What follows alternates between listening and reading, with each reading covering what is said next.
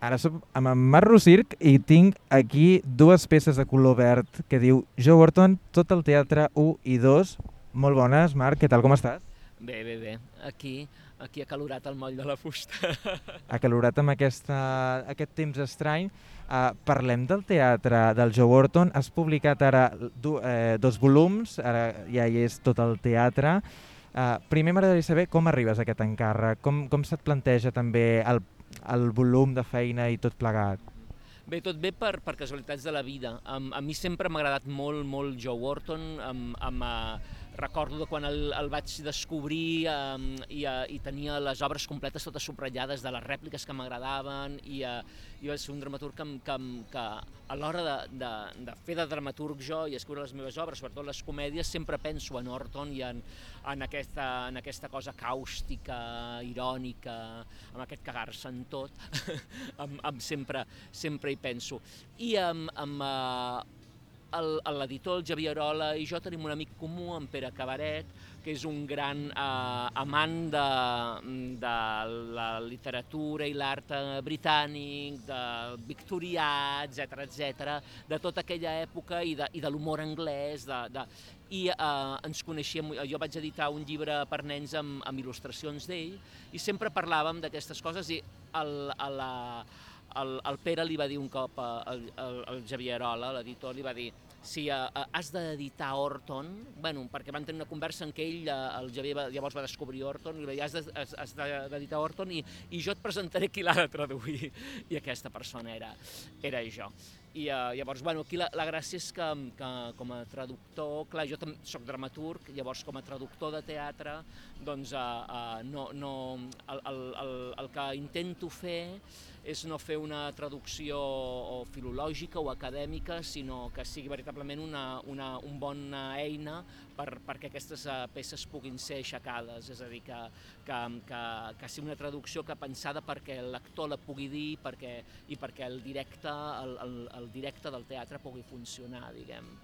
Ara deixa'm que faci un incís que havia, eh, no havia pensat treure, però tu també ets professor de l'Institut del Teatre, crec que també de les assignatures de dramatúrgia.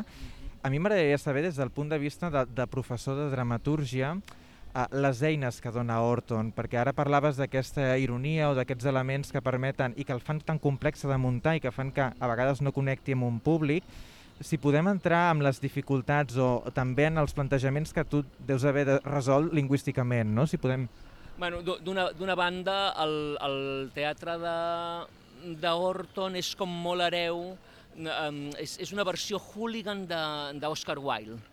Uh, uh, hooligan en el sentit de, de, de, perquè és una, una, un noi d'extracció obrera, d'una família d'extracció obrera, allà eh, als Midlands d'Anglaterra, Leicester, eh, no? I, que, i que es posa a escriure en aquestes comèdies però agafant el testimoni d'Oscar Wilde amb un teatre que és molt epigramàtic, molt de, molt de, de grans sentències, eh, d'aquestes sentències que et deixen eh, noquejat, no? com, com fa Oscar Wilde, però ell hi suma aquesta cosa hooligan i aquest, aquest també com a homosexual, allà on Oscar Wilde era fi, amagant certes coses i dient-les entre línies, el, uh, Orton pot anar un punt, als anys 60 pot anar un punt un, un, un punt més enllà. El, el, el que fa Orton és agafar la comèdia i, uh, i, i, um, i, uh, i confiant en els mecanismes propis del gènere uh, els porta a l'extrem sense por del traç gruixut, de, sense por d'ensenyar de, de, les entranyes de l'artifici, no? I, i, i juga a això justament, no? Uh, allà on potser la gent en veure-ho dirà és que no està mal escrit perquè tot es veu massa evident, no, no, però és que aquest és el joc irònic que, que, que ell fa uh, ensenyant, ensenyant les cartes de, de, d'aquest gran guinyol, no? De, i les seves peces al, al capdavall funcionen com un gran guinyol com un gran guinyol on, uh, on uh, uns personatges es veuen atrapats no? i on que actuen segons les regles d'aquest gran, gran guinyol uh, absurd. Uh, és, un, és un teatre que amb, amb, una de les seves complicacions, complicacions de traducció també és justament aquesta cosa epigramàtica i de, de, que juga amb les paraules i també les porta fins a l'extrem, uh, crea neologismes o crea expressions d'altres expressions que llavors tu quan et trobes com a traductor davant d'això, què em fas? No? De, I a més a més amb el repte d'aquesta col·lecció que és que és en, en, en bilingüe, no? sempre tens l'original al costat. No? Si jo no hagués tingut l'original al, al costat, segurament la, la traducció en alguns moments hauria sigut un punt més... Um, uh, un més atrevida en alguns, en alguns moments, uh, no? per, per, per, uh, perquè per, per trobar, és a dir, per, bueno, és com, com el, els, els comedians de Shakespeare, no? que, que l'humor que fan, si, si el tradueixes de manera literal, no funciona, has de trobar acudits nous. No? Eh, amb, eh, que a vegades estan molt allunyats de l'original però compleixen les mateixes funcions que l'original. En aquest sentit jo no he pogut anar tan lluny perquè en el fons la traducció eh, serveix de crossa de lectura de l'original. No? De... Llavors jo he hagut de trobar un equilibri entre aquestes, entre aquestes dues coses. Molt interessant, per altra banda. Jo ara estava pensant que en el pròleg del segon volum parles de la relació amb Pinter i Joe Wharton no com una relació d'herència, sinó com de cohabitar. A mi m'agradaria també veure com, com eh, tenyeix la lectura que en podem fer d'Orton, aquesta relació de com cohabiten les obres amb Pinter i Orton. Bé, és a dir, sobretot la, la primera obra, que és el, el, el, el, com es diu, el Bergan al Replà, és, és d'inspiració pinteriana total, però, però és que llavors Pinter no era el guanyador del Premi Nobel, també era un escriptor que començava, era, tots dos eren dos escriptors que començaven i les seves obres dialoguen. I, uh, i també uh, uh, aquestes obres primerenques també, per exemple, dialoga, dialoga uh, amb, amb uh, l'Orton dialoga amb el Pinter de, de, de, de Homecoming també, i hi ha un, una... ells es, es veien les obres al, al principi, després va passar el que va passar, no? l'amant d'Orton li va fotre els quatre cops de martell al cap i ens el va deixar mortet, no? I, uh, i llavors uh, la, la seva carrera queda troncada i llavors comença la llegenda, no? i part de la llegenda és això, que hauria pogut ser uh, uh, d'ell com a autor si hagués pogut anar més lluny, si, si, si hagués anat, uh, uh, si hagués passat per, per, uh, no, per la mateixa carrera que un Pinter, no? en 40 anys podent haver tocat tants pals i tants colors, no? Uh, en vez de saber si, uh, si a Orton ens hauria donat moltes sorpreses. La llegenda, i deixem preguntar-te això per anar concloent, la llegenda a vegades pot fer mal també en, en la lectura que tenim, perquè ho dic perquè eh, ens hem fet un far també de, de reivindicar o, o escoltem tota l'estona reivindicacions de que a Pasolini no li hem de buscar el mort, sinó hem de començar-lo a llegir perquè ja hem fet l'esforç de buscar el mort i hem fet massa judicis del Peloso, etc etc. M'agradaria també pensar-hi així, des de la lectura que se n'ha pogut fer o que se n'hagi fet, des de la perspectiva, evidentment, aquí a Catalunya, amb, els, amb alguns dels muntatges que s'han fet, però també des de la perspectiva de la recepció a, a, a Londres. Sí, però el que, el que passa és que el, la, la, el personatge que ell es va crear per ser el, el, la, es va convertir en l'autor d'èxit també, es va ell també com, com, a, com a autoconstruir aquesta imatge. Uh, I l'autor de comèdia d'èxit que, que podia traspassar límits i, i, uh, no, i cagar-se en la doble moral. No? Llavors, uh, aquest, aquest final, aquest final amb, amb el seu amant clavant-li els, els, uh, els, els cops de martell al cap, en el fons entra tan dins del personatge i tan dins del... És, és tan lògic, és tan lògic. Ell mateix a les seves obres es, es, es reia de la mort i, i, i, de qui, i, de, i del mort i del qui el vetlla, de, de tot es reia. Llavors que tingués una mort tan tràgica, còmica, eh, forma, part del, forma part del personatge. Doncs moltes, eh, moltes gràcies, Mar Rossic. Eh, repetim, eh, s'ha publicat aquest volum que és el teatre complet de Joe Wharton. Moltes gràcies, Marc. Eh, et, desitjo, et desitjo el millor ara que començaràs a traduir, com ja vas anunciar, Tennessee Williams i tot el que vingui ja, ja ha començat, ja ha començat. Aquí amb, amb Prometeu seguim, seguim això buscant autors maleïts, no? I en, en, en gèneres eh, no evidents eh, o, o maleïts, com seria la poesia o, o el teatre, descobrint no? doncs, peces que, que necessiten ser re, reivindicades, com de cop i volta ara que tenim aquest teatre complet de, del Joe Wharton, que està esperant a, a poder pujar a les taules de, dels teatres. Moltes gràcies, Marc, que vagi molt bé. Gràcies a vosaltres.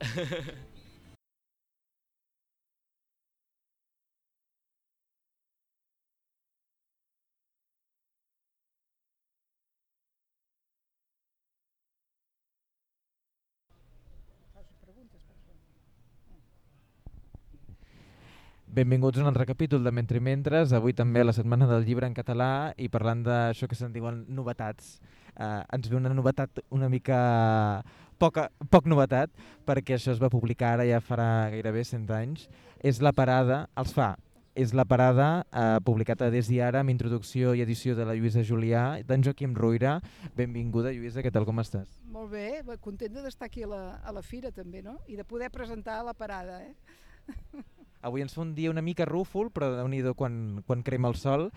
I estem parlant d'una edició que porta per títol La Parada, que són un seguit de relats, i m'agradaria preguntar-te inicialment per les constel·lacions que hi ha dins d'aquesta edició que presentes a Des i Ara, perquè hi ha molts ruïres.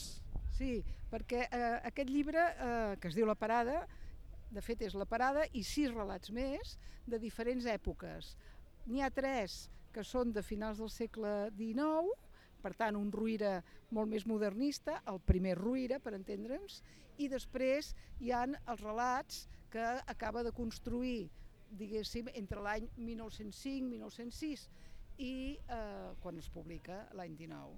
Eh, de fet, eh, en Ruïra a la, segona, a la segona dècada de segle es dedica molt més ja a la llengua pròpiament dita, li interessa molt més la llengua que no pas la ficció també fa poesia i fa altres coses, no? Però eh, a la parada es troben aquestes diferents línies, diguéssim, de, de construcció i de, i de manera d'entendre la literatura. No? Per una banda hi ha la línia més, diguéssim, impressionista de finals del segle XIX, per exemple, amb, eh, amb el relat eh, d'una olor, que és un, un relat absolutament de, de sentits, no? d'olors, i que es connecta, ens connecta amb Novalis i amb eh, la flor blava de Novalis i amb la idea de la inspiració. De fet, és una, diguéssim, una figuració d'una imatge i d'una història d'amor a partir d'una olor. Tenim una altra ruïra, que és el ruïra de la parada, eh? i eh, potser del vals final, que eh, són, i sobretot de la parada, perquè és el que li dona més importància, en què trobem història d'un nen, que això no vol dir que sigui una història per infants, com serà el Malcontent, per cert, que també que tanca també el recull, però que són històries en què allò que vol és reformar el llenguatge, mm, diguéssim, de, del poble, la, la, el llenguatge popular, el llenguatge oral, i una construcció de món tal com el, el pot veure un nen, diguéssim, de poble, eh? que és realment mm, un, un, una delícia de llenguatge, no? que es contrasta amb els diferents nivells eh, que pot, que pot haver-hi entre el narrador, que també és un nen, però que és un nen eh, més educat, que pot ser ell mateix, el narrador extern i el llenguatge del nen, diguéssim, mariner. Eh?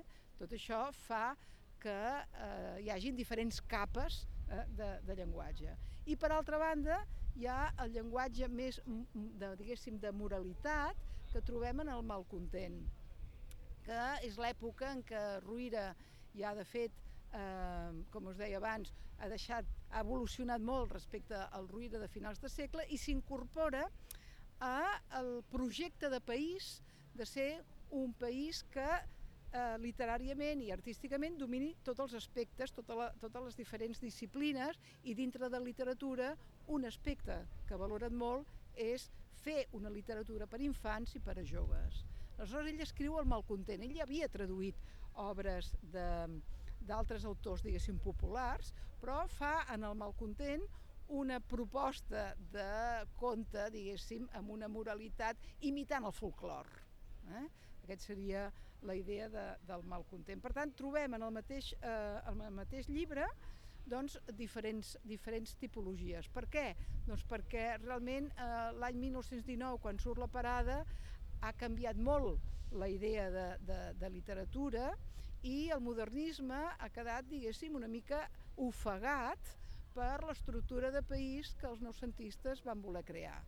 Després, amb el temps, ens hem trobat que la font literària més important ha sigut la modernista i que per tant els escriptors posteriors, eh, en, estic parlant, estic pensant en Espriu, estic pensant en Rodoreda, estic pensant en Calders i fins a Monzó, que són grans contistes, grans eh, eh, narradors, troben en Ruïra i en Caterina Albert Víctor Català narradors que, a partir dels quals estirar, no? a partir dels quals poder anar més enllà, que és el que la tradició literària ha de potenciar.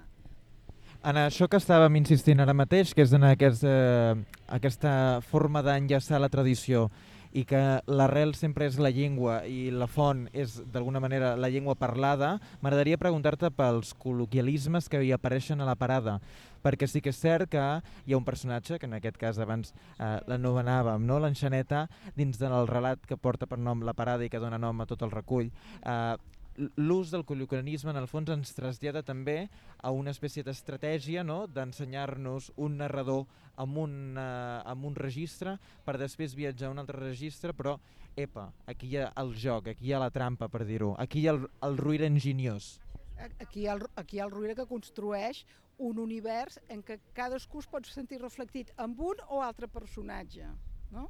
que això eh, ja ho va estar treballant des, de, des, de, des dels anys 60 el mateix Gabriel Ferreter, que va utilitzar el Ruïra, que en aquells moments, als anys 60, no era gaire reconegut ni gaire llegit, però li va interessar justament per la força que té aquest, aquest llenguatge. No? Eh, ens passa sovint que quan es construïm el llenguatge tot, tots els personatges parlen igual, no? Eh, no pot ser, eh? vull dir, el que, el que s'ha de distingir és el registre col·loquial de poble, el registre col·loquial de ciutat, el registre... Bueno, això ara ho estem veient a les sèries, no? Una bona sèrie és aquella que sap introduir tot aquell argot no? de, del, del, dels diferents registres dels personatges que apareixen no? i que sigui creïble i que sigui creïble. I insistint amb, el, amb la capacitat gairebé pictòrica de Ruïra, també m'agradaria insistir amb elements que hi ha també en la, en la introducció que presentes de les descripcions dels paisatges, de les olors. Um, com és no, que Ruïra és tan eh, capacitat o té, la, té la, el, el gran do de construir tot, aquesta, tot aquest ambient i tot aquest paisatge? Um, de fet, és, és una cosa que va molt lligada a l'època, perquè de fet no es creia, estic parlant de Maragall, estic parlant evidentment de Caterina Albert Víctor Català, estic parlant de Prudenci Bertrana, eh, que potser són els grans eh, narradors del moment. Eh, de fet no es consideren narradors, es consideren artistes. Aquest és un concepte molt, molt de l'època, que l'artista ha de connectar les diferents disciplines. Això, evidentment, e, és simbolisme, o si voleu dir, presimbolisme, amb Baudelaire, eh, Verlaine eh, i fins i tot Rimbaud, és a dir, i, i Mallarmé, no? És a dir, que l'artista ha de ser total i, justament, l'art total és aquell que sap combinar les diferents eh, les diferents, eh, diguéssim, percepcions, sigui l'olor, sigui el gust, sigui la part visual. I la part visual és la que fa que es creïn el llenguatge, el paisatge. No? Un aspecte lligat amb això que m'estàs de, demanant és que eh, el que fa Ruïra és descriure el paisatge de Blanes. No? Eh, el paisatge de Blanes ha canviat moltíssim en l'últim segle, el segle més d'un segle que estem parlant. No? Nosaltres podem refer aquell paisatge a través dels relats del Ruïra. Això fa que, que aquests relats prenguin un, uh, un valor antropològic fins i tot, no? I això em, sembla, em sembla que és realment un valor també que, que, cal, que cal tenir en compte, no? Uh, ara que estem en un moment també de relectura de Víctor Català, perquè estan apareixent uh, documents que fins ara no s'havien pogut editar i que ara s'estan editant de forma completa, m'agradaria preguntar també per les opcions de lectura que també tindrem amb Ruïra, per una raó molt senzilla, perquè ara tenim elements eh, com per afrontar, no? per exemple, la connexió amb elements psicoanalítics o, dit d'una altra manera, tot el món dels somnis que apareixen i tots aquests nens que hi apareixen en relats no necessàriament que són d'una literatura infantil. Això ja comences també a, a intuir-ho i ho intueixes i ja ha aparegut en estudis. I m'agradaria insistir-hi per anar concloent l'entrevista. Sí, eh, eh és evident que el que li interessa més en el ruïre d'aquests relats és anar al món dels somnis és a dir, mons dels somnis però moltes vegades paurosos. Eh? Les, el, el, el registre de la por, el registre, eh, diguéssim, de les parts fosques, d'allò que no arribem normalment, sinó en estats de semiconsciència, això que és un aspecte que ja treballava des del començament i que la, el fa arrelar directament o anar directament en la línia d'Edgar Allan Poe, que per ell és el gran eh, escriptor amb el qual es, es, es compara d'alguna manera, eh, és el que trobem més treballat a la parada. Eh? També es, es troben els relats que es podran llegir d'aquí un any i mig o així quan, quan es publiqui Marines i Buscatges. Eh? Però aquí és, és evident que no, no intenta treballar tant la por en ella mateixa, sinó aquells, aquelles sensacions i aquells estats de semiconsciència, no? de somieig, no? que són aquells estats de ni, ni, dur, ni dormit ni despert i que a ell li interessen molt. I això el fa absolutament modern, jo crec. Doncs Lluïsa Julià ens ha presentat la parada des i ara i ens ha avançat que també tindrem més ruïres properament. Moltes gràcies Lluïsa, gràcies també per la feina. M'agradaria també, si ens pots avisar, què veurem també que has eh, editat i prologat en els propers mesos o que, que també tindrem alguna sorpresa, crec. Eh, sí, eh, eh, clar, a mi l'època modernista m'interessa moltíssim. Voldria dir, així de passada, que crec que Ruïra, una de les noves mirades que s'han de fer és el, el Ruïra feminista, la mirada femenina que té el Ruïra, que tot això que estem dient, i com apareixerà segurament una, vaja aviat, una versió d'una autora de l'època, desconeguda totalment, que es diu Felip Palma, que tornarem a poder llegir una sèrie de relats que no s'han publicat des de fa més d'un segle. Els llegirem, Lluís. Moltíssimes gràcies. Vosaltres. Gràcies. Doncs fem això. Ara continuem amb les novetats, en aquest cas eh, des d'ara, però com sempre fiquem entre cometes en aquesta paraula que hem utilitzat novetats, l'Ahmans de l'Estendal, que ha traduït la Lídia Noll i tinc la gran sort de tenir la Lídia al meu costat. Benvolguda Lídia, què tal, com estàs? Molt bé, molt bé, i vosaltres? Avui tot va bé? Aquí estem, avui també parlant d'aquest Estendal.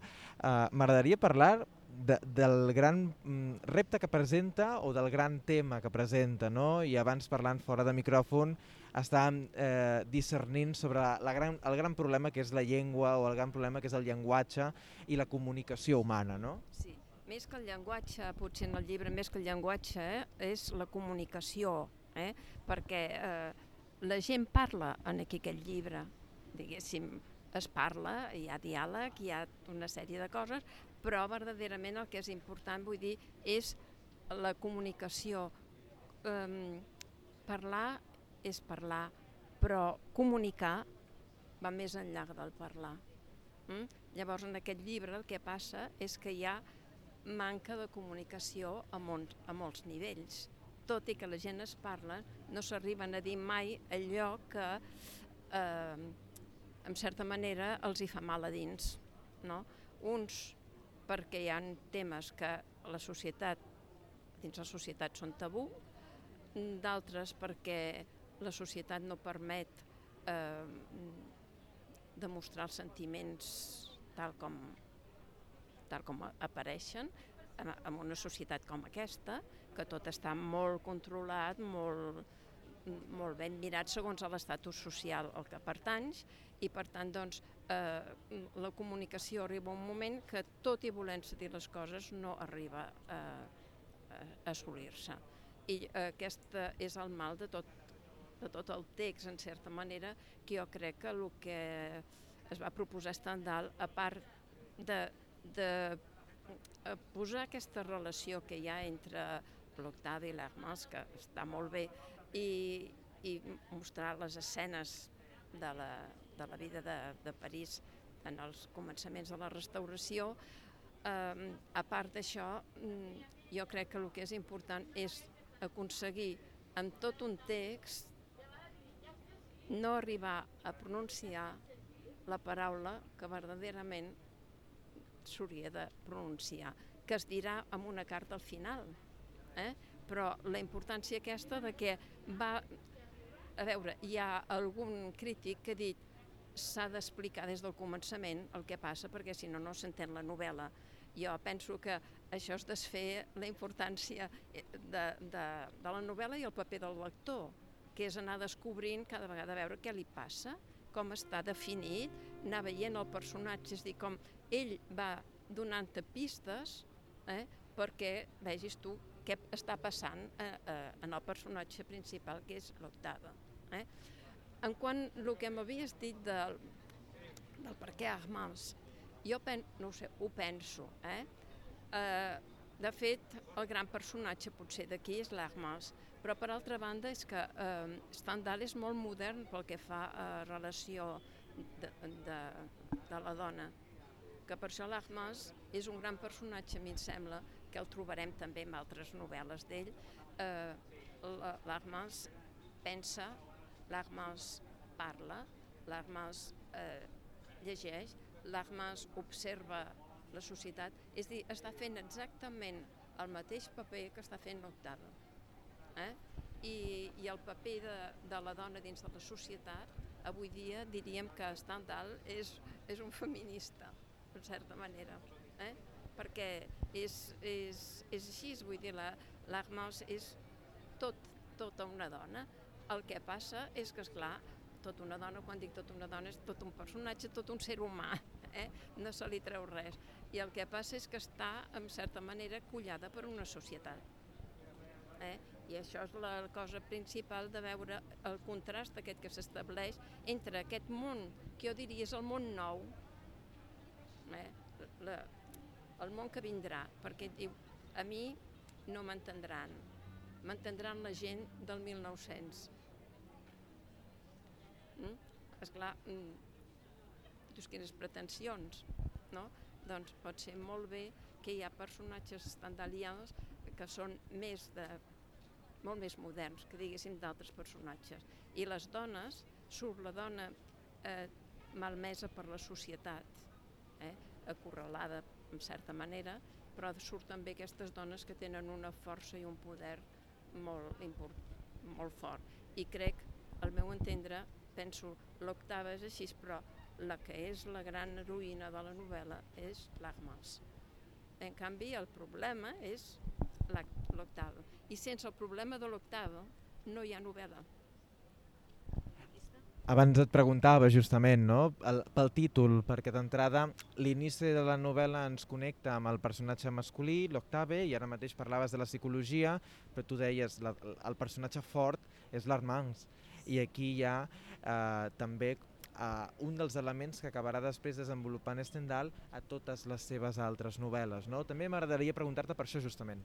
De, aquesta, aquest personatge eh, el desenvolupa, per exemple, eh, eh, en el roig i el negre, sempre hi ha la dona, diguéssim, tradicional, sumisa a un marit i una dona forta. Eh? I aquestes dones fortes són, mm, es quan diríem paraules d'abans, molt masculines. Eh? I llavors, doncs, està clar, però mm, tenen un, una certa força. I a part d'això, que és un altre tipus de dona també, que és la que trobes en aquí, que és la que contrasta quan que és precisament la que li diuen a l'octav, tu estàs enamorat. Eh? Eh, la dona, diguéssim, tradicional, i aquest tipus de dona que té tots els amants que vol, que té un marit o que té un... Això, i que viu una vida completament deslligada de tots els preceptes que hi ha en la societat. És un altre tipus de dona que ens la posa i que moltes vegades és la dona que serveix, diguéssim, de, de contrapunt en l'altre i que et fa pensar una mica en, diguéssim, l'amor més sentimental, més romàntic i un altre, un altre d'això que és un, un, un sentit, diguéssim, de la vida molt diferent. Eh? Eh, hi ha una part, eh, en aquí tens el, el personatge, la, aquesta dona, que va amb ell tota l'estona, i, jo me'ls trio i si demà m'has avorrit, demà eh, diré que te'n vagis a passejar i, i agafaré una altra. Eh, la persona per aquí, en el món només hi ha una cosa que, que valgui, que és el gaudi, i res més. Aquest tipus de personatge també surt. Eh? Però, és clar, intel·ligent, de manera intel·ligent, és l'Armas. Ara ens has fet un retrat no, de la societat no? i d'alguna manera amb les dosis d'ironia que ara abans em subratllaves que hi ha al llibre unes pàgines determinades en les quals detectes com aquesta forma d'observació clínica, no em deies, analítica, li permet a, al mateix Stendhal realitzar això, una cartografia. Sí, sí, sí. Eh? És el, el fet de dir d'aquesta manera, jo et dono un... Tu agafa el que vulguis, però jo et dono una imatge d'aquesta societat. Eh? O sigui, eh, una societat amb la que eh, la gent mm, normaleta, entre cometes, són els que observen també i critiquen, em refereixo dintre dels salons, eh? però aquest altre tipus de, de dona que hi ha, per exemple, a dintre la mateixa societat, que no la critica ningú i fa el que vol. Entens? Vull dir, és, és això dius tal. I després l'altra persona com l'Ahmas la, o com la mare de, de, de l'Octav, que és una gran senyora eh? i que es conforma amb, amb el que té. Vull dir, així, jo només sóc una dona que arribo fins aquí, però no em pregunteu, no puc fer res més. Eh? O sigui que és tot un ventall de, de, de possibilitats dintre de, de la mateixa societat, no? però sí que treu, potser amb ironia, una mm, miqueta, miqueta forta, jo trobo, quan ella busca, o l'octava de buscar la tranquil·litat i estar-se'n allà, totes les senyores s'aboquen per anar-se'n cap allà perquè pobreta estarà sola eh, tu t'ho creus? Mm? I l'altre que hi ha, i, oi, sobretot vull dir, tota la gent que tingui eh, una habitació disponible perquè vindran tanta gent penses, quina tonteria, eh? però tu penses, què hi van a fer? A veure què passa, entens? és allò que dius, ai sí, l'amor que es tenen i la dedicació, sí, sí, però com que no tenen res més a fer, quan iran allà i anirà tota la gent i tot així tu dius, quina societat. Mm? I si no és veritat, com diu algú, ell no, mm, ell observat, eh? I, i ell n'ha fet una societat dintre del món literari, vull dir, potser sí que hi ha imperfeccions, però que dona mm, una visió molt coherent eh, d'aquesta societat, diguéssim. Doncs moltíssimes gràcies, Lídia. Teniu aquest estendal traduït per la Lídia, que ha traduït de forma meravellosa i que abans també em deia no? la dificultat a vegades també lingüística en alguna de les frases que deies i ara aquesta frase, què hi fot aquí, no? Sí, sí, verdaderament hi ha vegades hi ha, hi ha algunes coses que et dius mmm, però què vol dir ara? Eh? I repeticions i així, i una altra cosa que té que, és clar està com mm, l'original, és com si estigués quasi bé com dictat. I llavors tu has d'anar refent eh, el que és un, un diàleg, el que és tal cosa, vull dir, tot això, eh? I també això gràcies també al Jordi, que és molt mirat amb les edicions, i de dir, escolta'm, en aquí això entre cometes, això hem de posar-ho entre aquí. O sigui, has de refer una mica la novel·la perquè a la novel·la tot ve seguit, saps? Vull dir, és un altre problema, però aquest és mecànic, com si diguéssim, no? Però sí, hi ha vegades que a dintre de la seva prosa hi ha coses que són una miqueta complicadetes. Moltíssimes gràcies, Lídia, de veritat. Gràcies a vosaltres, eh? i si, si serveix per alguna cosa estaré molt contenta. Eh? Pim-pam, pim-pam. Perfecte. Eh, els amentrimentos seguim per la Setmana del Llibre, ara ens hem parat a l'editorial Man les Herbes, que tot és verd, tot és verd i tinc el Ricard Planàs aquí. Benvingut Ricard, què tal, com estàs? Què tal Bernat, com va? Estem aquí perquè també hi ha això que se'n diu la febre de les novetats, però vosaltres teniu aquí tota una paradeta de color verd i ja que estem, m'agradaria preguntar-te perquè Males Herbes d'alguna manera també ha construït un públic i d'alguna manera construir un públic vol dir en el fons eh, construir-se no? a, també amb un diàleg permanent i m'agradaria també saber tots aquests colors verds, hi ha alguns que també fugen d'aquest color verd però principalment són tots verds, què hi podem trobar també en aquest catàleg de Males Herbes?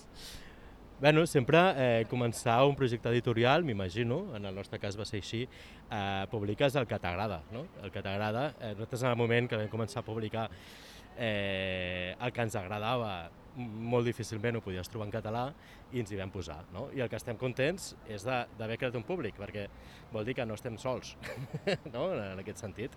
Llavors, clar, nosaltres tenim un ventall molt, molt ampli, no? vam començar una mica com a com a editorial la contracultura, algunes coses de sense ficció, etc. I ara doncs, ho hem ampliat una mica. És una editorial que en el fons creix amb nosaltres, no? Mm, és, és bastant orgànica. No? Els nostres interessos van canviant i, i per exemple ara ens està interessant moltíssim el terror, no? que ens havia interessat sempre, però per exemple publicar un Stephen King doncs, no, no ho teníem a l'abast abans i ara una mica més sí. No? I, i d'això, estem molt contents perquè sí, i, i a més a més un lloc com la Setmana del Llibre fa que el diàleg amb el, amb el públic lector sigui real, no? és a dir, sigui cara a cara. No? Vivim en un món absolutament virtual i aquí et trobes cara a cara amb, amb el lector i xerres, et comenten, no? I, i, i això és molt interessant, molt enriquidor. En el posar en valor tot el que és un catàleg, tot sencer, i el veus aquí ara tot gairebé tot sencer i el veus com a espectador, també hi ha moltes línies de programació, hi ha moltes coses que s'han anat entrellaçant. M'agradaria també destacar com arribes o com arribeu en aquestes tres últimes publicacions que són les que estreneu, entre unes, no? ara també deies, així de noms importants, el Philip Cadic. Exacte, sí. Home, Philip Cadic era un somni, no? eh, poder fer Philip Cadic. Eh, I ara comencem, no? Ara hem publicat no? els tres estigmes de Palmer Eldritch, és, és el primer títol que traurem, en traurem molts més, de Philip Cadic, eh, i home, era, era una cosa que teníem ja, ja des de que vam començar l'editorial, no? eh, en ment, poder publicar algun dia Philip Cadic. Eh, també volíem esperar mm, a tenir més públic lector, és a dir, a, a tenir eh, a dominar una mica més les xarxes, a tenir més visibilitat per, per poder posar Philip K. Dick en català en el lloc on es mereix. No? Eh, I que és un autor que no és fàcil i, i, i pensem que el nostre públic que no el coneix ara el coneixerà i crec que ens farà cas no? a l'hora de, a de llegir-lo. Clar, després tenim Efendi, no? que és, és Elisabet Riera, que per cert ara té un acte aquí a les set i mitja, que, que clar, és, entra totalment en la línia del que ens interessa. No? És una novel·la mig distòpica, mig esotèrica, no? on hi ha molts interessos comuns entre l'Elisabet i nosaltres. L'Elisabet, a més, és editora, té l'editorial Underkammer, que ens encanta, no? I, i, i són tot no? eh, eh, interessos comuns. No? Eh, ella és lectora nostra i nosaltres som lectors seus. No? I, i també entra dins de la línia de, de, de les coses que realment ens interessen. I després hem reeditat Bressol de Gat. No? Eh, hem fet una portada nova, etc. I creiem que, clar, en un lloc com una fira de llibres, no? el, el més important no sempre és la novetat, és a dir, jo, jo el, que, el, que, el que recomano a tota la gent que vingui no és tant buscar novetats com fons, perquè el fons no es troba a les llibreries, no? i les novetats sí. Aleshores, és, és molt interessant eh, això, anar, anar a editorials històriques, no? ara estic pensant en 1984, va néixer el 84, trobar llibres dels anys 80 i 90 que ja no trobaràs no, a cap llibreria. Llavors el sentit d'aquesta fira és això, és el catàleg, no? és la vida no, d'una editorial i tenir-la tenir no? Vull dir, a la vista de tothom i, i, i fins i tot això. Vull dir, ens, ve, ens ve públic bastant fidel que es sorprèn quan veu un títol que no sabia que existia. No? Doncs moltíssimes gràcies i que acabeu de gaudir aquesta setmana. Merci. Ara sóc a, a la paradeta de tigre de paper amb el Marc Garcés. Què tal, Marc? Com, tal? Com estàs? Bé, molt bé, aquí a la setmana. Eh, ens ha tocat estar aquí, nosaltres som de Manresa, i, però passem uns dies aquí, però molt bé, l'ambient és molt xulo, ve molta gent i bé, contents de ser aquí un any més. El catàleg de Tigre de Paper és bestial, però perquè t'hi pots trobar moltíssimes coses. Ara anava a dir, heu fet la segona edició d'aquest Francesc Lairet, aquesta biografia, però veniu també de fer la història de l'esquerra independentista, entre altres coses. Sí, ara mateix estem fent al voltant d'uns 25 títols a l'any, sobretot estem fent bastant assaig, però també fem novel·les i fem, vam començar una col·lecció que es diu Els Petits Tigres, de, de llibres infantils, de biografies de personatges catalans, homes i dones, enfocats això a nens i nenes a partir de 7 anys, i, i això, intentem fer una mica, hem tocat de, de tot, hem fet, tots els, hem fet novel·la gràfica, eh, hem fet poesia, però sobretot això, fem bastant assaig i novel·les i a la col·lecció infantil. Mira, ara tinc una novetat, de fet, que és d'aquesta nova... que és d'aquesta que tinc aquí, que és de la Sílvia Ballester, que ha traduït l'Anna Casasses, que és una nova època. De fet, parlarem amb l'Anna Casasses d'aquest volum i d'entre d'altres, que també ha traduït en aquesta nova setmana, però m'agradaria preguntar-te també com arribeu en aquest catàleg d'aquesta novel·la escrita en italià i que apareix eh, traduïda a Tigre de paper.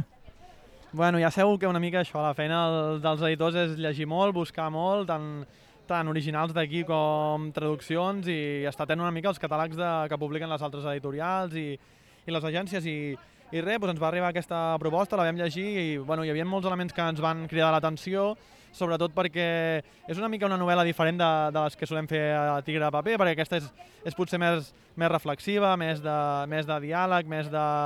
Bueno, de, de però això no té tanta acció, no? no o no és sobre un episodi concret eh, revolucionari o subversiu, però a la vegada té molts elements que encaixen amb nosaltres. No? Eh, o sigui, és una novel·la que en aquestes reflexions de dues germanes, en, aquesta, en, aquest, en aquest canvi d'època, de, d'estació i, de, i de moment històric on, on això, on, on xoca doncs, la, la tradició amb la modernitat, doncs elles van fent moltes reflexions, reflexions això en clau eh, femenina i feminista, no? Amb problemàtiques molt actuals com els temes feminicidis, o això, reflexions molt de, de la vinculació amb la terra, que és una temàtica també que ens preocupa i que hem treballat, eh, memòria històrica, no? al final van tocant molts elements en aquest diàleg entre aquestes dues germanes i tot el que viuran que encaixen molt amb el nostre catàleg i ens va semblar una proposta interessant perquè malgrat en alguns aspectes és diferent del que solem fer, té molt l'essència del nostre, de la nostra editorial. No? I ara deies, no? El paper de les traduccions, el paper de consultar altres catàlegs. També m'agradaria saber cap a on aneu, no? Des de Tigre de Paper, ara ho deies, no? Veniu de Manresa, veniu també d'una trajectòria, ara gairebé de, eh, tindreu uns 10 anys d'existència, si, no dic, si no m'erro, i també m'agradaria saber cap a, cap a on van els, els futurs projectes. Ara deies que heu iniciat aquesta col·lecció per a nens petits i tot plegat. Sí, sí just, hem, just hem fet 10 anys ara aquest any. Uh, realment, uh, ara al setembre fa 10 anys que vam començar a publicar ja vam fer alguns actes de celebració abans de, de l'estiu. I, i res, doncs això, ara per explicar-vos comencem una col·lecció nova que es diu Fil Roig, que la, la fem en coedició amb Lo Diable Gros, que és una editorial de Tarragona, i és una, uh, una col·lecció que recull la tradició aquesta que precisament citaves Francesc Lairet, doncs vam començar publicant Apòstols i Mercadets, que són la, les quatre biografies de sindicalistes catalans de principis de segle, segle XX, Uh, vam seguir amb Francesc Lairet i ara publiquem, bueno, li donem cos amb aquesta col·lecció del fil roig que, que ressegueix doncs, tota la tradició republicana i nacional popular catalana. Comencem amb un títol de, de Gabriel Alomar, seran antologies de textos, discursos i així, i traurem un parell de títols l'any que això, que recuperen aquesta tradició republicana de la nacional popular que està tan, tan, bueno, que ara bueno, busquem tornar-hi molt, no? buscar nous referents per, per construir també la república que, que volem i, i aquesta tradició és, és important recuperar-la i, i donar-li sortida als, als textos per alimentar sobretot el, el debat i, i, i, buscar nous horitzons. No? I això per, per dir-vos una cosa així concreta. No? Uh, aquesta tardor publiquem vuit títols, quatre ja han sortit quatre més a l'octubre, i, però la principal novetat és aquesta nova col·lecció. Per la resta doncs, anem fent, anem, estem contents perquè estem incorporant eh, doncs, noms de, de rellevància internacional com Bell Hooks al nostre catàleg, també en el camp de la, de la novel·la, de la ficció, hem publicat a Marise Condé, que és, que és la primera cop que es publica en, castellà, en català, perdó, fins ara només es troben alguns títols en castellà, que és una, per qui no la conegui, va guanyar el Premi Nobel Alternatiu el 2018 i és una d'aquestes autores que sempre està a les quinieles de, del Nobel cada any, no? és una autora de, de molt renom, de molta qualitat, i que no la teníem en, en català i ara doncs, a partir d'ara la podem llegir en català amb aquest títol que es diu Jo titubo la bruixa negra de Salem i esperem que, que anem incorporant més perquè la veritat que està tenint molt bona rebuda tant a les, a les llibreteres i llibretes, llibreters els agrada molt, a la premsa i als lectors que s'estan acostant molt aquests dies a la setmana, alguns ja, ja la tenen, ja l'han llegida i, i bueno, sembla que hi ha molt interès i, i aquí estem, no? doncs, doncs això, intentant eh, enriquir l'àmbit literari en llengua catalana des de l'assaig i des de la narrativa. Doncs moltíssimes gràcies, que us vagi molt bé aquests dies que encara queden de setmana. Merci a vosaltres, un plaer. Super. Això ja s'acaba, són les últimes passes que estem fent aquí a la setmana avui, que ha fet una mica un dia rúfol, però que no ha deixat de fer calor en cap moment, i ara està aquí signant llibres la Jessica Pujol Duran, que ha editat Llengües de Foc, és una antologia de poesia anglès actual. I primer de tot, benvinguda Jessica, què tal, com estàs? Molt bé, molt bé. Moltes gràcies per venir. Avui t'entrevistem per aquest volum que ha publicat Leonard Montaner, però aquest volum té una història increïble al darrere i aquí ens agradaria també acabar-la de conèixer. Aquí parles d'una proposta que és una proposta que ve lligada també amb aquesta editorial, però això ve d'un context concret, que és la recitació, no? I com a partir d'aquí arribeu a la conclusió de que això s'ha de publicar, no? Una mica, explica'ns la gènesi d'aquest volum. D'acord, sí, bé, jo vivia a Anglaterra uh, crec que va ser cap allà el 2012 o 2013, uh, on vam fer els Jocs um, Florals de, de Cambridge, que feien honor als Jocs Florals que es, va, es havien fet, em sembla que als anys 70 o així, en allà, i van venir, bueno, jo vaig ser la que va organitzar tots els Jocs Florals de, de part anglesa, diguéssim. Com que jo ja vivia allà i coneixia tots els poetes anglesos i, de fet, les meves primeres publicacions són en anglès, eh, em van contactar per, perquè jo organitzés una mica la poesia anglesa d'allà. I llavors, eh, bé, eh, els que feien els de l'ANC organitzaven els poetes catalans. Clar, jo no els coneixia, perquè ja et dic, jo feia, va, des del 2007 que vivia allà a Anglaterra, llavors va ser com un encontre que jo, jo ja, diguéssim que ja tocava, no? Jo estava allà ja esperant aquest moment, perquè realment el català, bueno, sí, clar, soc d'aquí de tota la vida, i llavors era algo que a publicar en anglès i estava en un altre, en un món molt diferent i quan van venir tots els poetes catalans a mi em va fer molta il·lusió que ens, que ens trobéssim tots i poder-los presentar tota aquesta poesia anglesa que diguéssim jo estava descobrint allà i estava ben il·lusionada i encantada i va ser en Jaume Pons de l'Orde, que sí que ens, no sé si ens havíem conegut abans, però bueno, ja, ja teníem algun contacte, a part per la universitat, amb la Maria Montaner, anàvem a la mateixa classe, però tot han sigut coincidències, vull dir, perquè no, no manteníem un contacte. I llavors quan va venir en Jaume i ens va sentir recitar, jo crec que ell va venir cap a mi, ja sap, bueno, sabeu com és en Jaume, eh, que s'entusiasma, no?, també. uh, I va venir i em va dir, ostres, aquestes veus, no?, són totes molt diferents, però uh, vull entendre-ho més, això s'ha de fer alguna cosa, hauríem de fer una antologia. Jo uh, uh, uh, llavors uh, publicava una revista en allà a Anglaterra que encara segueixo publicant, que es diu Alba Londres, i en allà bueno, publicàvem poesia en traducció. I era poesia llatinoamericana, però també espanyola, catalana, etc. Eh? I llavors, eh, jo, clar, jo tenia pensat, projectat una antologia en la, la revista Alba, de fer una antologia de poetes catalans actuals, o sigui, al revés, eh, cap allà. I em va dir, no, no, no, això ho hem de portar cap a Catalunya. hem de fer una antologia en allà. I vaig dir, ah, doncs, de fet, és que estava esperant un projecte així, no? Va ser com molt... Jo ho estava projectant d'alguna manera i ell va llegir-ho, no?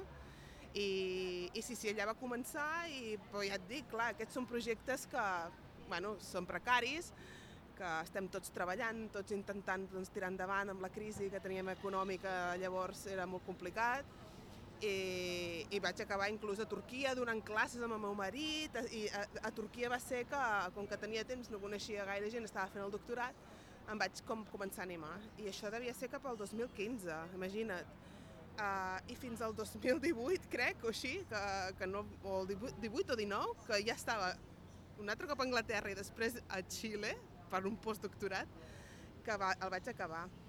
Sí, sí, i a més a més, el, clar, un dels diversos poetes que surten antologats tenien contacte amb la poesia catalana. Són poetes més grans eh?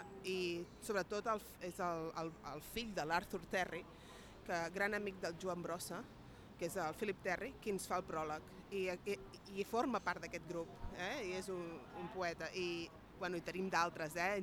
Tim Atkins, que va viure aquí a Catalunya, molt interessat en la poesia catalana. Tot això no se sap des d'aquí, no? I era una mica una manera d'homenatjar aquests poetes que jo havia conegut allà, però també traslladar-los. Ai, parlem de la traducció, perquè també en només eh, en l'edició també la tasca de traducció, molts d'aquests poetes m'imagino que com tenen un component, digue-li, performàtic o de representació, m'imagino que també poden limitar fins a cert punt la lectura que en puguis fer i la traducció. No sé fins a quin punt ens podries explicar també això i també quins reptes ha presentat. Ah, moltíssims, moltíssims. Um, a més que, que clar, jo volia fer els poetes que, diguéssim, que més m'agradaven i els que jo eh, els que més m'havien influenciat en la meva manera de llegir i d'entendre la poesia. No? I també hi ha molta poesia política, dir que no, un llenguatge experimental. Ja no estem parlant de llenguatges visuals de brossa, que també, eh? però no, estem parlant d'un gir experimental en el sentit lingüístic, eh?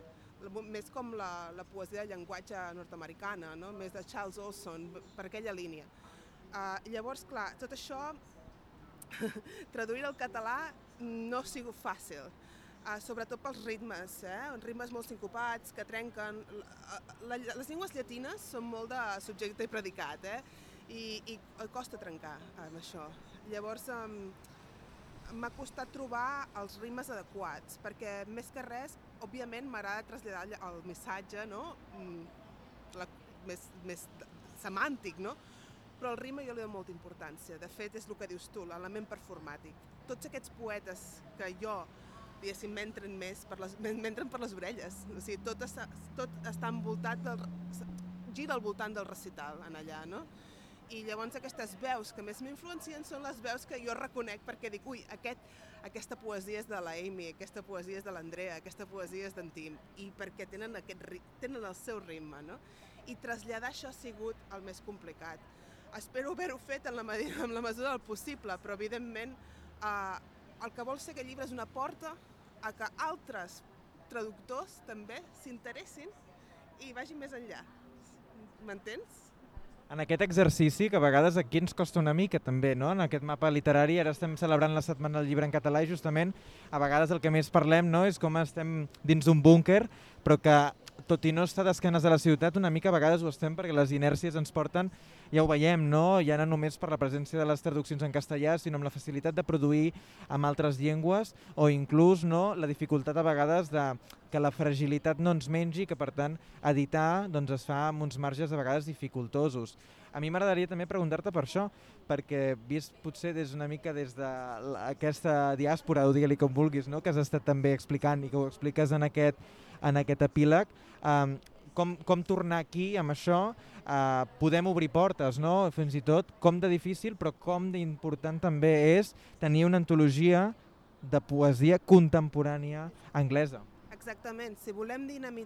o sigui, que sigui dinàmic eh, el món editorial, hem de publicar coses també contemporànies. Què passa? Arriscar... És un risc, és prendre riscos, perquè tu estàs publicant algú que, ostres, que no, no, no té el nom de, no sé com dir-t'ho, de, de, de, de, de Pound o de poetes ja consagrats, de, que, que dius, ostres, ets el traductor de l'Ezra Pound, i, i d'allà cap amunt, no? Uh, no, aquí estem parlant de poetes que uh, estem apostant, eh? és una poètica que jo crec, jo i clar, evidentment a Anglaterra molta més gent i als Estats Units també, són molt coneguts als Estats Units aquests poetes. El que passa que el món anglosaxó, però el que és el món eh, llatí o el món català, el món castellà, es comencen a conèixer. Una de les poetes, que és Lisa Robertson, que jo la, la, la defenso des del primer dia, Ara mateix acabem de tancar un contracte amb pretextos per fer-la en castellà. I no per mi, sinó perquè ells s'estan despertant. Uh, uh, llavors és com, ah, bueno, ja, ja és prou gran o ja ha arribat a les orelles. I qui sap si no ha arribat a les orelles d'aquesta gent per una traducció que vaig publicar en, un, en una plaquet, saps? Vull dir, i és això que dius, uh, falten plaquets, falta, falta que sigui el, el, que el món editorial català sigui més dinàmic, en aquest sentit de que surti més ràpid no? la, la cosa actual. Eh? A mi és el que em, em, veig que sempre anem una mica sobre lo segur, que ho entenc, eh? perquè l'editorial ve que ha de, no? ha de sobreviure. Però aquestes editorials més petites que prenen riscos, eh, el, el que està fent Leonard Montaner és increïble. O sigui, la porta que està obrint jo crec que és molt important, que potser ara passa una mica així desapercebut, eh? però jo crec que amb el temps això no sé, jo li dono bastant de pes. Eh? Doncs moltíssimes gràcies, Jessica, pel volum que ens, que ens presentes avui, que presentes aquí amb edició acuradíssima i també llarg futur, que tota la tasca que hi ha aquí al darrere, i llarg futur que tot arreu. I ara que estem a la Setmana del Llibre en català, doncs endavant. I aquesta és l'última entrevista que fem des d'aquí, des de mentre de la Setmana Llibre en català, per tant, agraïm també als lectors i agraïm sobretot a la gent que ens escolta. Moltes gràcies.